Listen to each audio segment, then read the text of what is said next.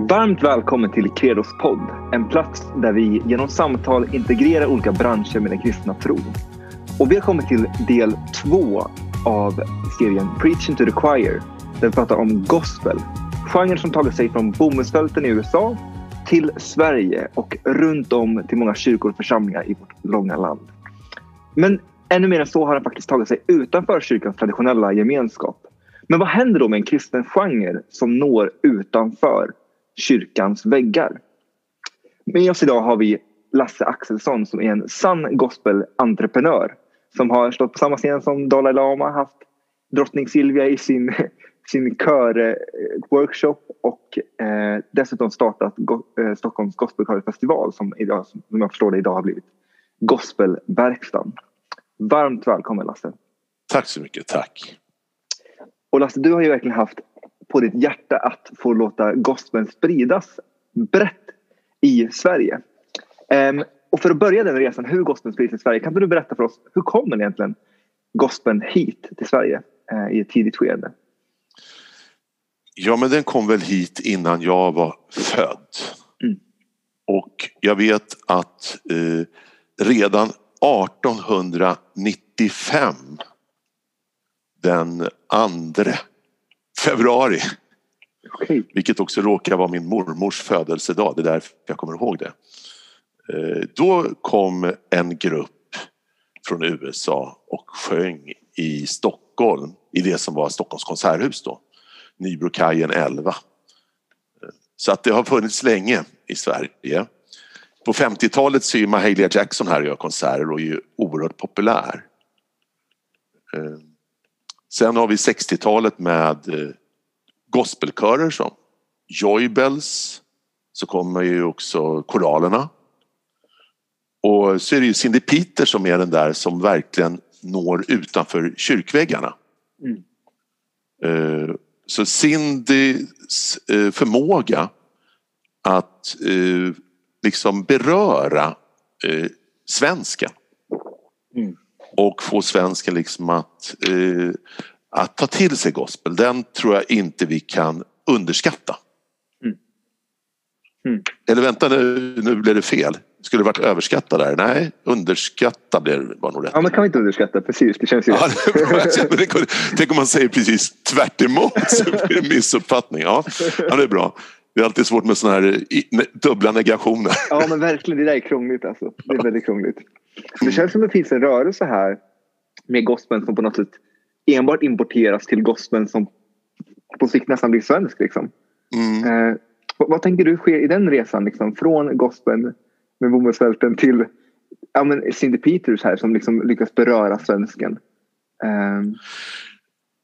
Jag tror så att om man är på 60-talet Mm. Då kan man också nämna som du har bakom I have a dream, Martin Luther King. Ja. Han kom ju till eh, han var ju här då i, och mottog Nobelpriset i Oslo.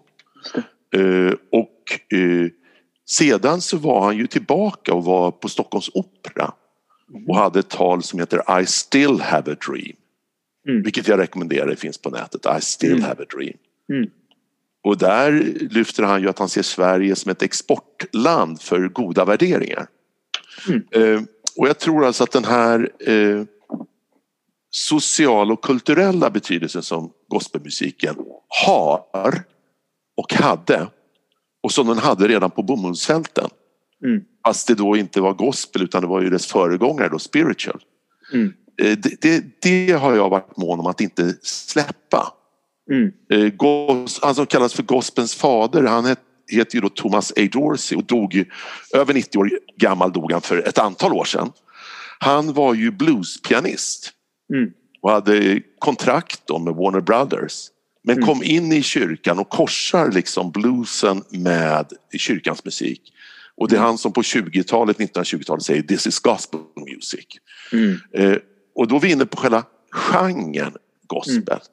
Alltså, gospel var ju före, alltså Markus evangeliet börjar så här, detta är gospel om Jesus mm. Kristus. Mm. Eller som vi har på svenska översättningen, detta är evangeliet.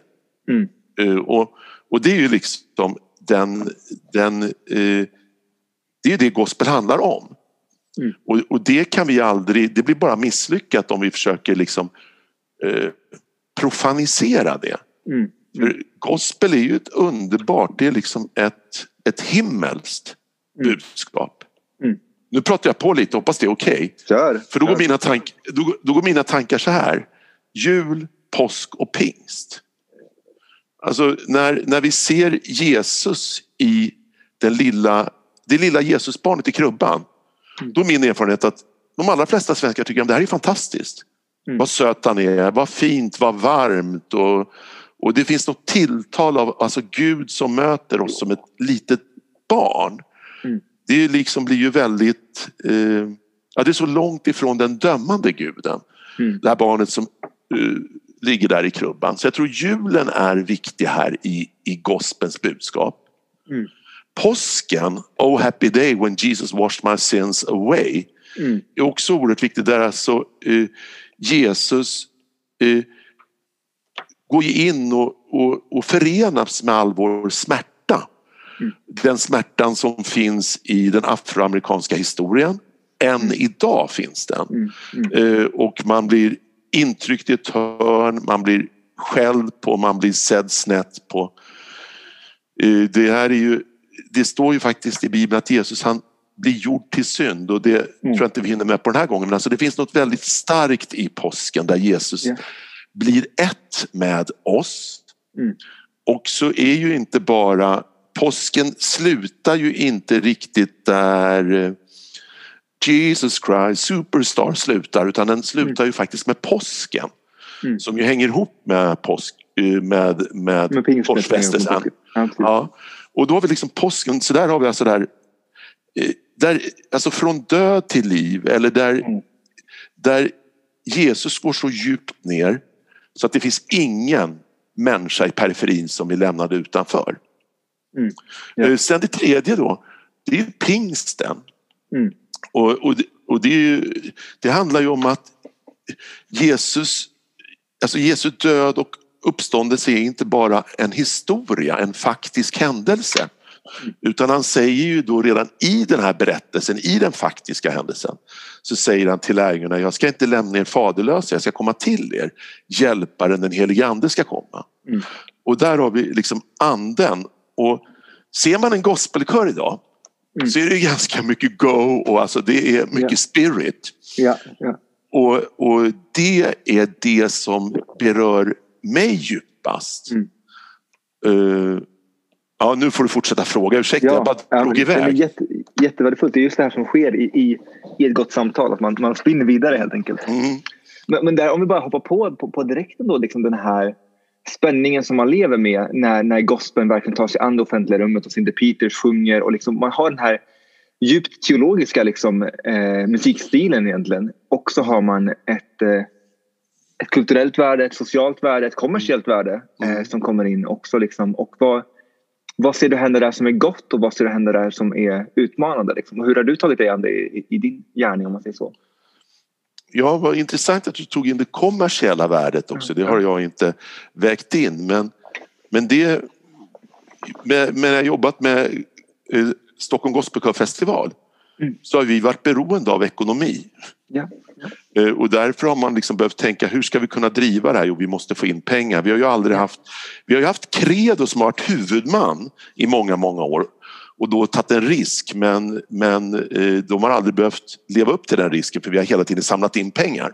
Mm. Eh, jag tycker det är ganska bra att du tar upp kommersiellt för alltså att det blir så lätt att vi tänker så här oj, pengar, ja men då är vi inte på Guds planhalva, då är vi på den ondes planhalva. Mm. Men det är ju inte så Bibeln uppfattar det. Mm. Eh, och, och jag tror att jag, alltså vi hade en av våra första eh, festivaler. Jag, jag, tror att det var eh, vår andra stora festival. Mm. Eh, då stod vi på Sergels torg och sjöng för flera tusen. Mm. Eh, och då började jag allt med att säga jag vill, jag vill tacka våra sponsorer. Mm. Och nu behöver jag inte nämna dem här i podden men det var ett antal företag mm. och så var det ju då olika kulturnämnder och så. Och sen så hade vi vår konsert och väldigt medvetet så hade vi inte så här låt oss be. Vi hade inte heller så här nu ska jag stanna till och predika för dig som är här.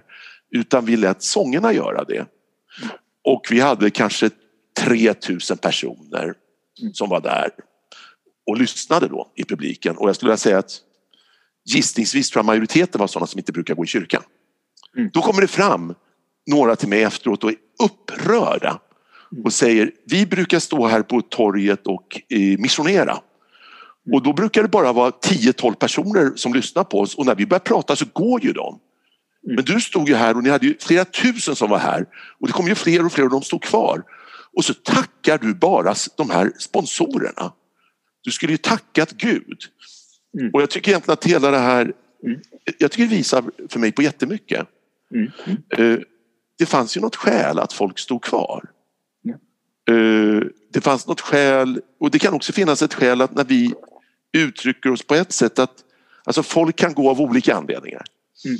Och eh, visst kan man säga någonting som kristen som gör att någon går. Mm. Och det, det, var bra att det sades. Mm. Men, men eh, jag såg med Stockholm Gospelkörfestival en, en enorm yta där vi kunde möta folk, ung som gammal, eh, nyanländ som etablerad svensk, eh, troende som inte troende.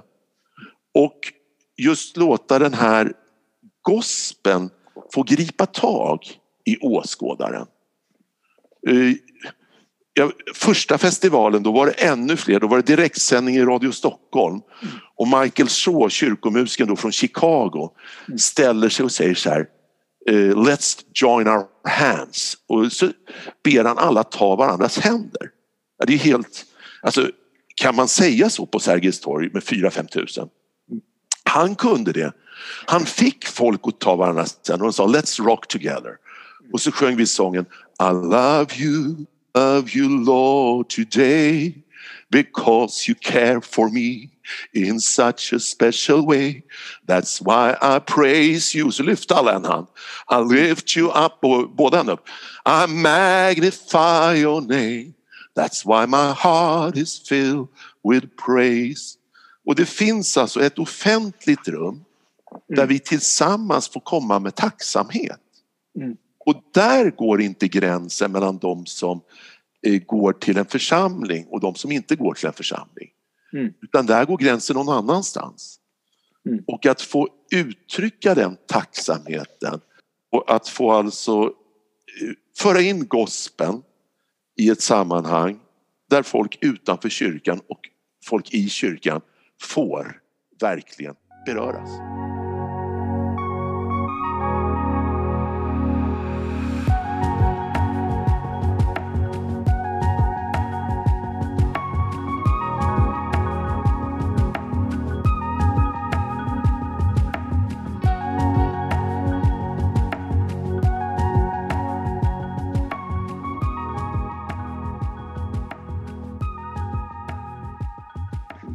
Fascinerande exempel på något sätt. Och det känns ju här som att um, det finns något starkt inkluderande, ett starkt inkluderande ideal så att säga.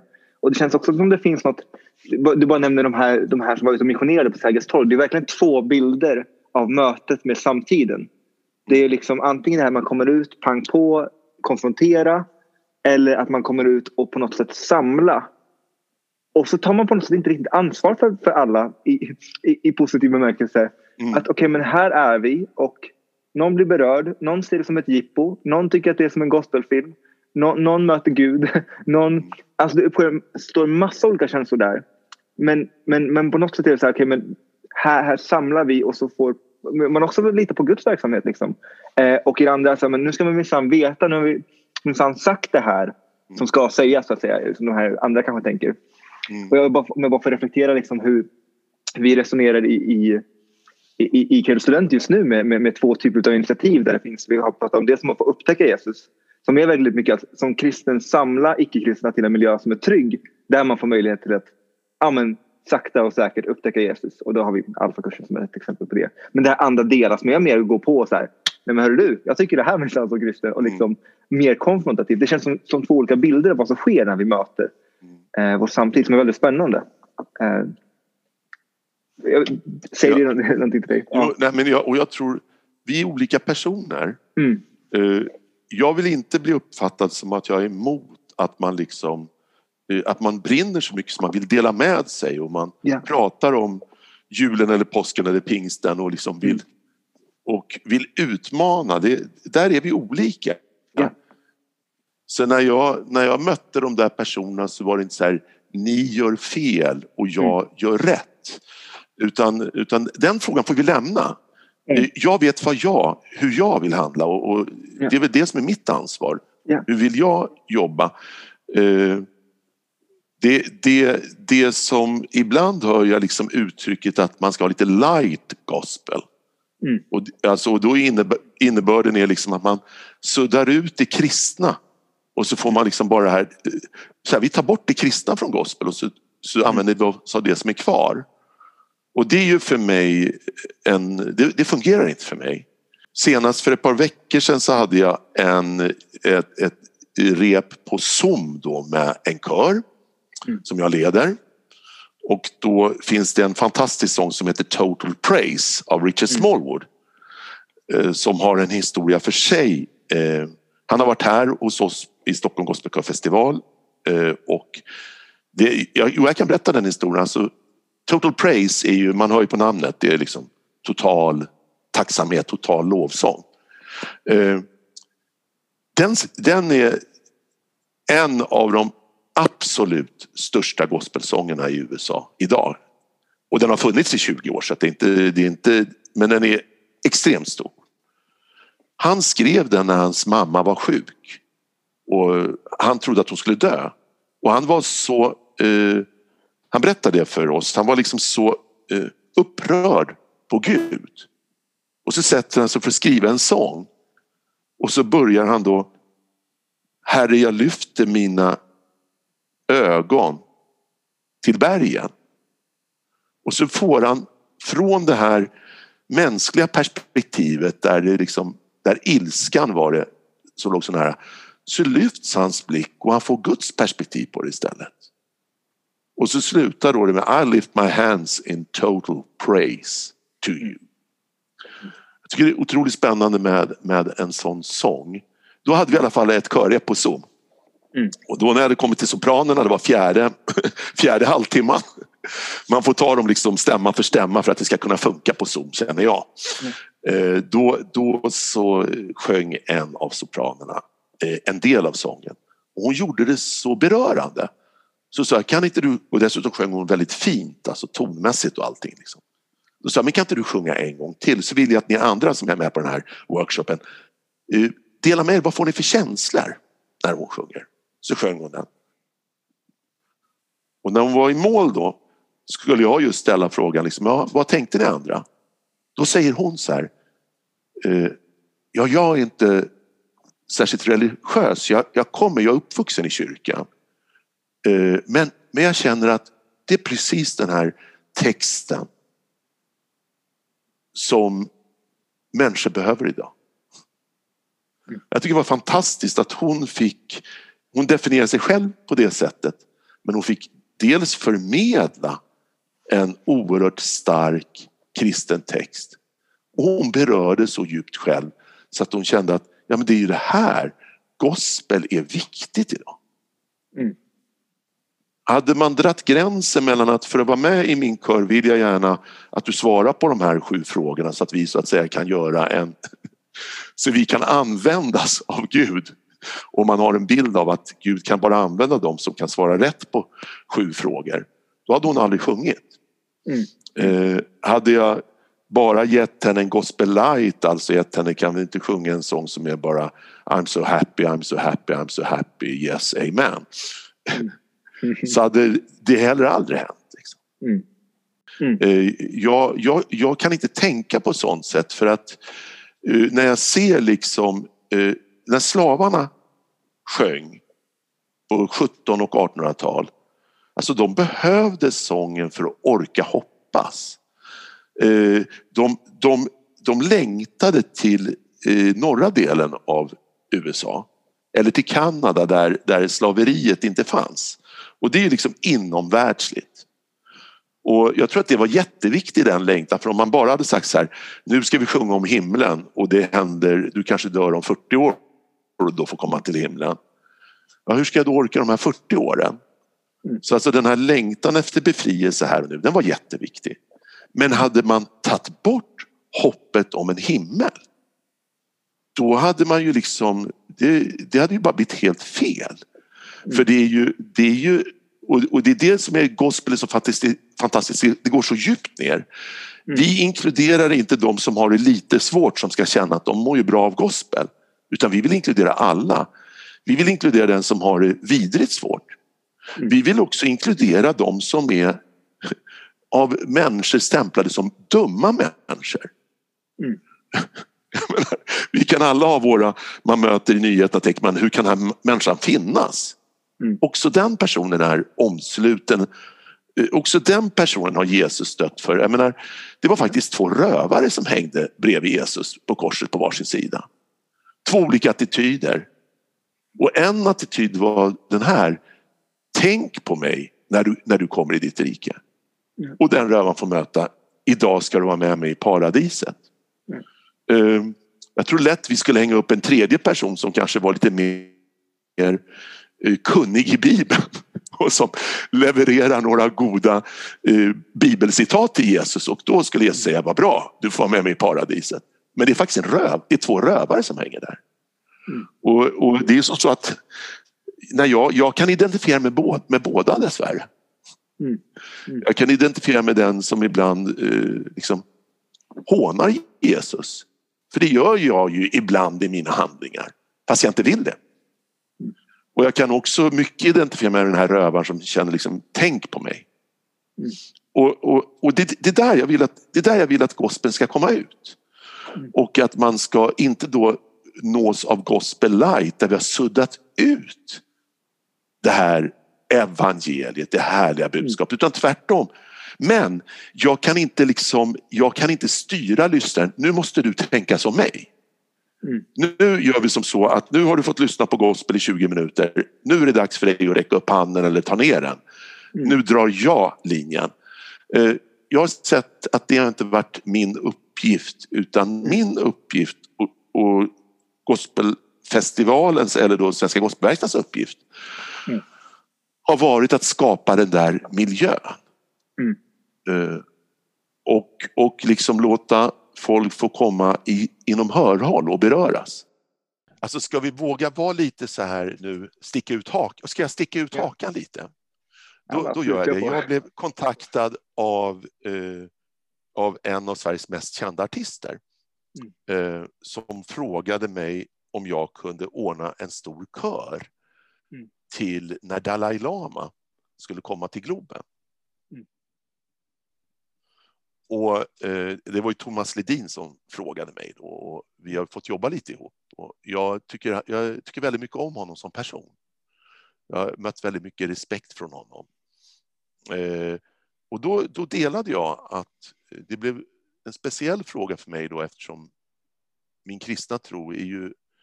Jag är inte buddhist, om man säger det kortfattat. Och då, då berättade jag om det. Liksom. Nej, men då berättade jag det om eh, men då, och då var Thomas väldigt öppen och lät mig veta vem som var arrangör och ställde frågor till dem. Det var, vi förde ett väldigt öppet samtal. Och då var det väldigt tydligt för mig att det här handlade om fred i Tibet. För att Tibet har varit väldigt utsatta, de människor som har levt där. Då.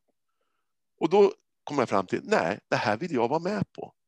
Mm. För jag kan inte säga så här, ja, Eh, Eh, för att eh, Dalai Lama var där och att han är buddhist så kan inte jag vara med för fred i Tibet. Nej, där kan jag stå sida vid sida. Och det blev, eh, jag drog upp en kör med 300 ungdomar som var med där. Och jag har fått höra efteråt att hur kunde du göra det, liksom dra in ungdomar i det här? Men jag såg att jag gjorde det för att vi måste också stå sida vid sida i vissa saker. Och fred i Tibet, det är jag för. 100 procent. Mm. Eh, sen sjöng vi där och eh, det blev väldigt, det, var faktiskt, det blev väldigt, väldigt fint. Vi sjöng både Bridge over troubled water och jag tror vi sjöng också I'm gonna lay down my burden down by the riverside. Mm. Har jag för mig. Eh, och det blev väldigt uppskattat. Mm. Och det blev till och med, jag fick till och med personlig då, Dalai Lama vände sig till mig på scen och liksom hedrade mig för att jag hade varit med. Då. Mm. Det var Thomas och till mig han vände sig. Det var jättemånga artister med. Och, och, ja, det här är ju verkligen, det här vet jag att det här delar folk. Mm. Och jag vet att en del säger, nej men så kan man inte göra. Mm. Men precis så tror jag, eller vill jag göra. Och precis så känner jag en trygghet i att göra. Uh, och jag tycker det är lite på samma sätt som Jesus gjorde. Jag känner han gick inte bara i de religiösa etablerade sam sammanhangen och fanns, utan mm. han fanns i en del andra sammanhang också. Ja. Och han, han krävde liksom inte att det skulle bli rumsrent för att han skulle kunna komma in i ett rum. Mm. Mm. Eh, så, och det här tror jag är en utmaning, då att, att, att göra det här och samtidigt inte tappa det som är kärnan. Mm. Mm. Och det fanns aldrig någon förfrågan i det här sammanhanget om att jag skulle tappa den kärnan. Mm. Eh, så, eh, det var ett exempel där jag tror man sätter det ganska mycket på sin spets. Verkligen så. Verkligen så. Det, var för att du nämnde Dalai Lama i, i inledningen tänkte jag, men vad ska folk ja. tänka om det där? Ja. men det var skälet och, och, jag, kan, jag kan säga att eh, för mig, jag, jag har en, för mig är Jesus ledstjärnan. Ja. Så, att, så att jag, det, det, tycker jag är så klart och tydligt. Och jag tycker att hans budskap, eh, och det kristna budskapet, det är faktiskt helt, helt unikt, mm. historiskt förankrat och det är faktiskt till räddning mm. för alla människor. Ja, jag har ju den här berättelsen också.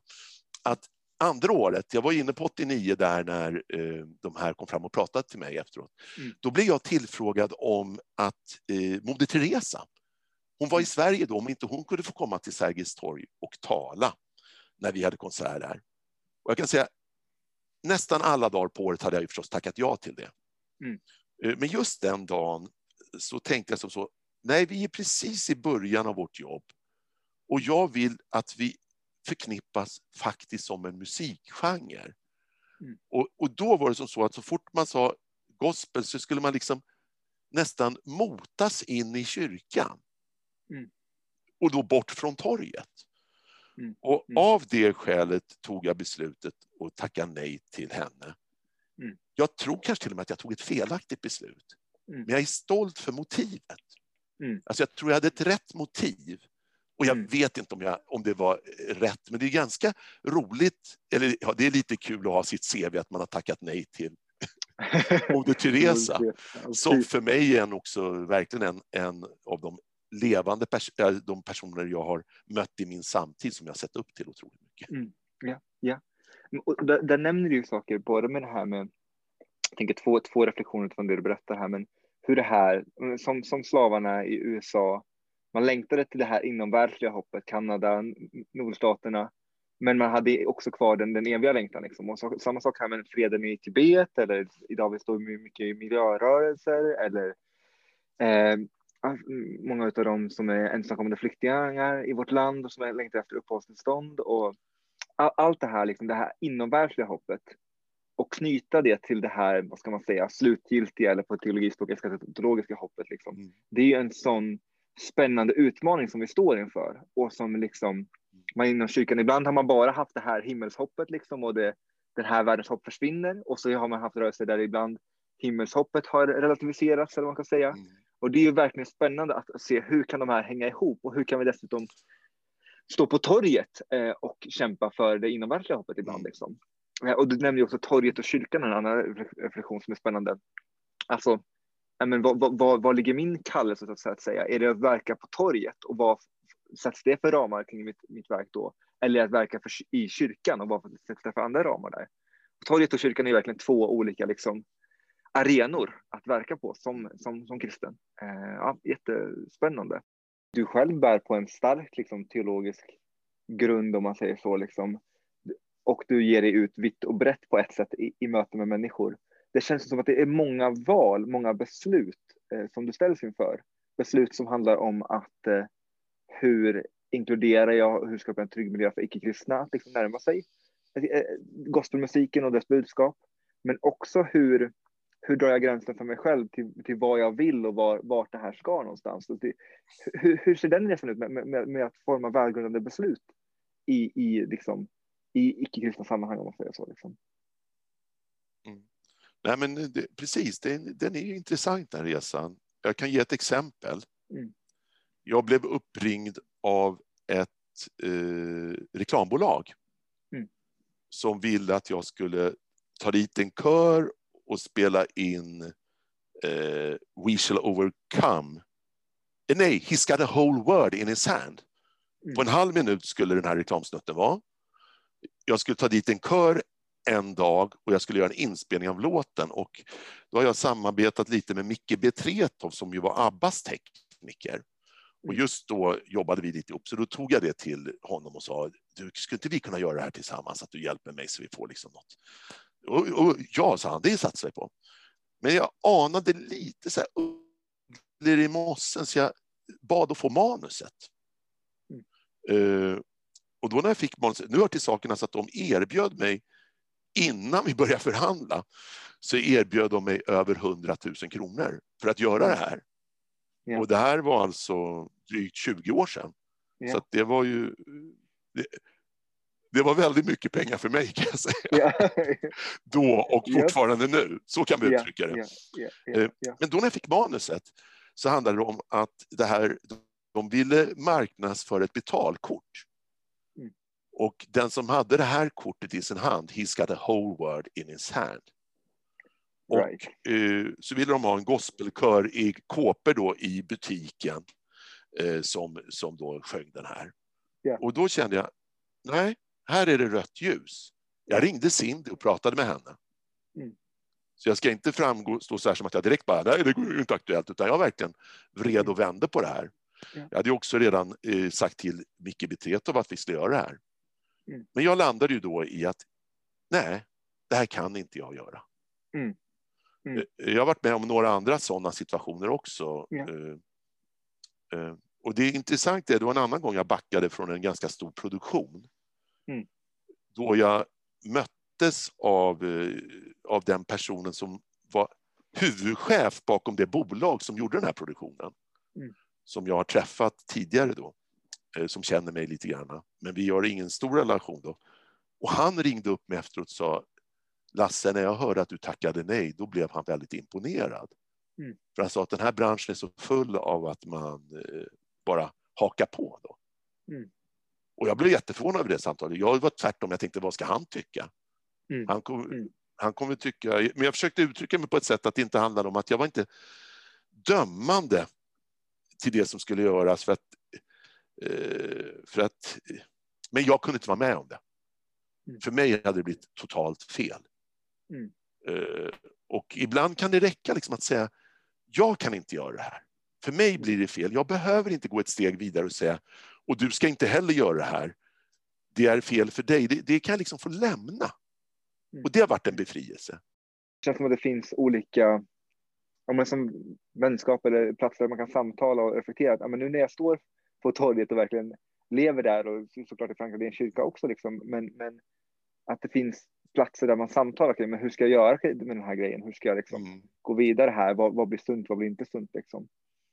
Och det känns också som, som någonting som jag hör spontant här när, när du reflekterar, det är ju också just den här icke-dömande guden som kommer fram väldigt tydligt. Mm. Eh, mm. det känns som att om, om man, om en, jag satt och läste om Hedenius-debatten här, liksom, när, mm. när hela Svenska kyrkan får kängan av en, liksom en filosof-debattör på 50-60-talet. Typ Och det, jag tänker att det finns mycket av en, en, en syn på den gamla lutherska dömande guden som, som, som liksom folk inte vill ha att göra med. Mm. Och alla kristna uttryck som inte förknippas med en dömande gud verkar ändå kunna stå sig ganska väl. Gospeln finns där mm. liksom, och folk har en annan, liksom, andra konnotationer, andra associationer. Jag tänker också på Thomas Fedin som finns väldigt tydligt som kristen mitt i liksom, det offentliga rummet ganska mm. ofta. Och folk bara älskar det, liksom, för det förknippas inte med någonting dömande. Jag tycker det är ganska spännande. Jag vet inte om du delar den reflektionen så, men ja. Jo, men jag tänker på så här att dels tänker jag att, att eh, vi har ju liksom i trosbekännelsen har vi därifrån igenkommande till att döma levande och döda. Ja. Men när man förstår att det handlar om att domen har gått över Jesus på korset mm. Mm.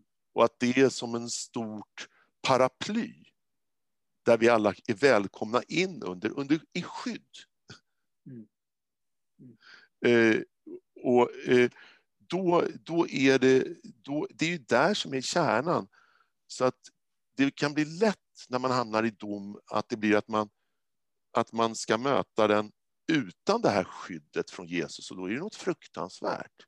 Ja. Då är det något hemskt. Det är så viktigt i gospel, i evangelium, att vi berättar om det här nu kallar jag det för paraply, fast det kanske var parasoll eller det ska vara något tält eller vad det ska vara för något. Alltså, men att, mm, mm, eh, I korsets, alltså gospelns kärna är det att Gud, Jesus identifierar sig med oss till 100 procent. Mm. Och domen går över honom på Golgata kors. Och vi är inbjudna som rövaren att säga tänk på mig när du kommer i ditt rike. Mm. Och där finns skyddet, där finns förlåtelsen. Den andra reflektionen, Hugo, mm. det var ju liksom Credo student. Mm. Ni ger väl en sån hjälp till de som jobbar med musik att kunna få ställa de här etiska frågorna. Ja. För det är nog ganska, gäller nog ganska många. Va? Man kan vara musiklärare och, och, nu ska vi behöva göra den här låten som innehåller det här. Ska vi göra det? Och det är ju jättesvåra frågor och, och många andra ställningar. Va? Eller en, en kyrkomusiker och så vill de vid en eh, begravning eller en vigsel sjunga något som man känner, men, men den här texten är ju bara den är bara mot det kristna och så vidare. Och då måste man någonstans, man kan få ett samtal. Yeah. Och där tänker jag att där är ju Credo Student, alltså ni finns ju till både för de som nu studerar musik, skolungdomar, jag jobbar ju på Credo skola, yeah. de som är intresserade av att börja studera musik. Men sen också för alla som har studerat och är yrkesverksamma. Så det vill jag liksom hugga på, det att det är så bra att ni fixar sån här podd och, och det, är det inte som så, nu ställer jag en fråga till dig. Ja, är inte ni liksom beredda att få ett mejl till er efter den här podden med en knepig fråga och, och möta den i ett samtal?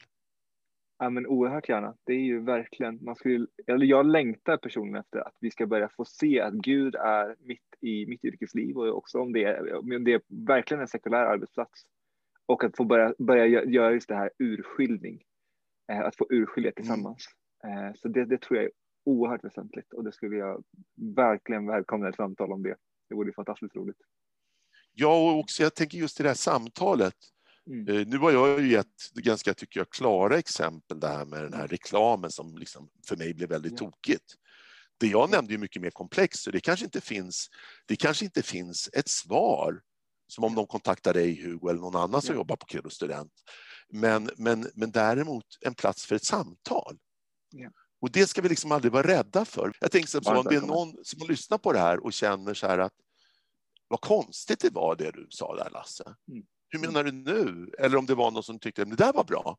Mm. Du är också jättevälkommen att, att höra av dig till mig. Och jag finns ju som Lasse Axelsson Credo skola då. Och, och, jag tror att det är så vi måste mötas, för jag har ju varit ute, alltså jag har ju satt saker som om, det, om, vi, om någon väljer att citera en mening så ja. går det att vrida det här hur som helst. Ja. Men vi måste ha den öppenheten, vi måste leva transparent. Det är min, det är min tro, Hugo. Ja. Vi måste våga liksom prata så att, så att både du som har tyckt så här, men hur i hela friden kan han säga så? Hör mm. av dig, precis som mm. de här gjorde på torget. Vad bra att de kom fram och pratade med mig och att jag också fick säga något till dem. Mm. Eh, så att kom fram och prata både du som inte förstår hur jag tänker och du som kanske också anar något av det jag har sagt och, och blir nyfiken. Jag tänker vi ska, ska avrunda där med liksom vi, vi verkligen befunnit oss i ett samtal om att kliva ut på torget, kliva ut i det offentliga rummet som kristen och där gospeln verkligen har varit sån, sånt eh, den vägen som du har gjort det på helt enkelt. Du har klivit ut i det offentliga rummet, du har klivit ut på torget och praktiserat urskiljning eh, tillsammans med andra människor genom samtalet verkligen använt det för att se, tror jag att det här blir någonting gott? Tror jag att det här blir någonting kajko? Eh, och hur liksom står jag för ett hopp om befrielse som bär i den här världen men också bortom den här världen? Eh, så tusen tack för, för att du har delat med dig av de här erfarenheterna. Och som du sa här också, vi vill ju verkligen vara en plats som studenter att ta det samtalet under sin studietid så att man blir van vid det samtalet för sitt yrkesliv också.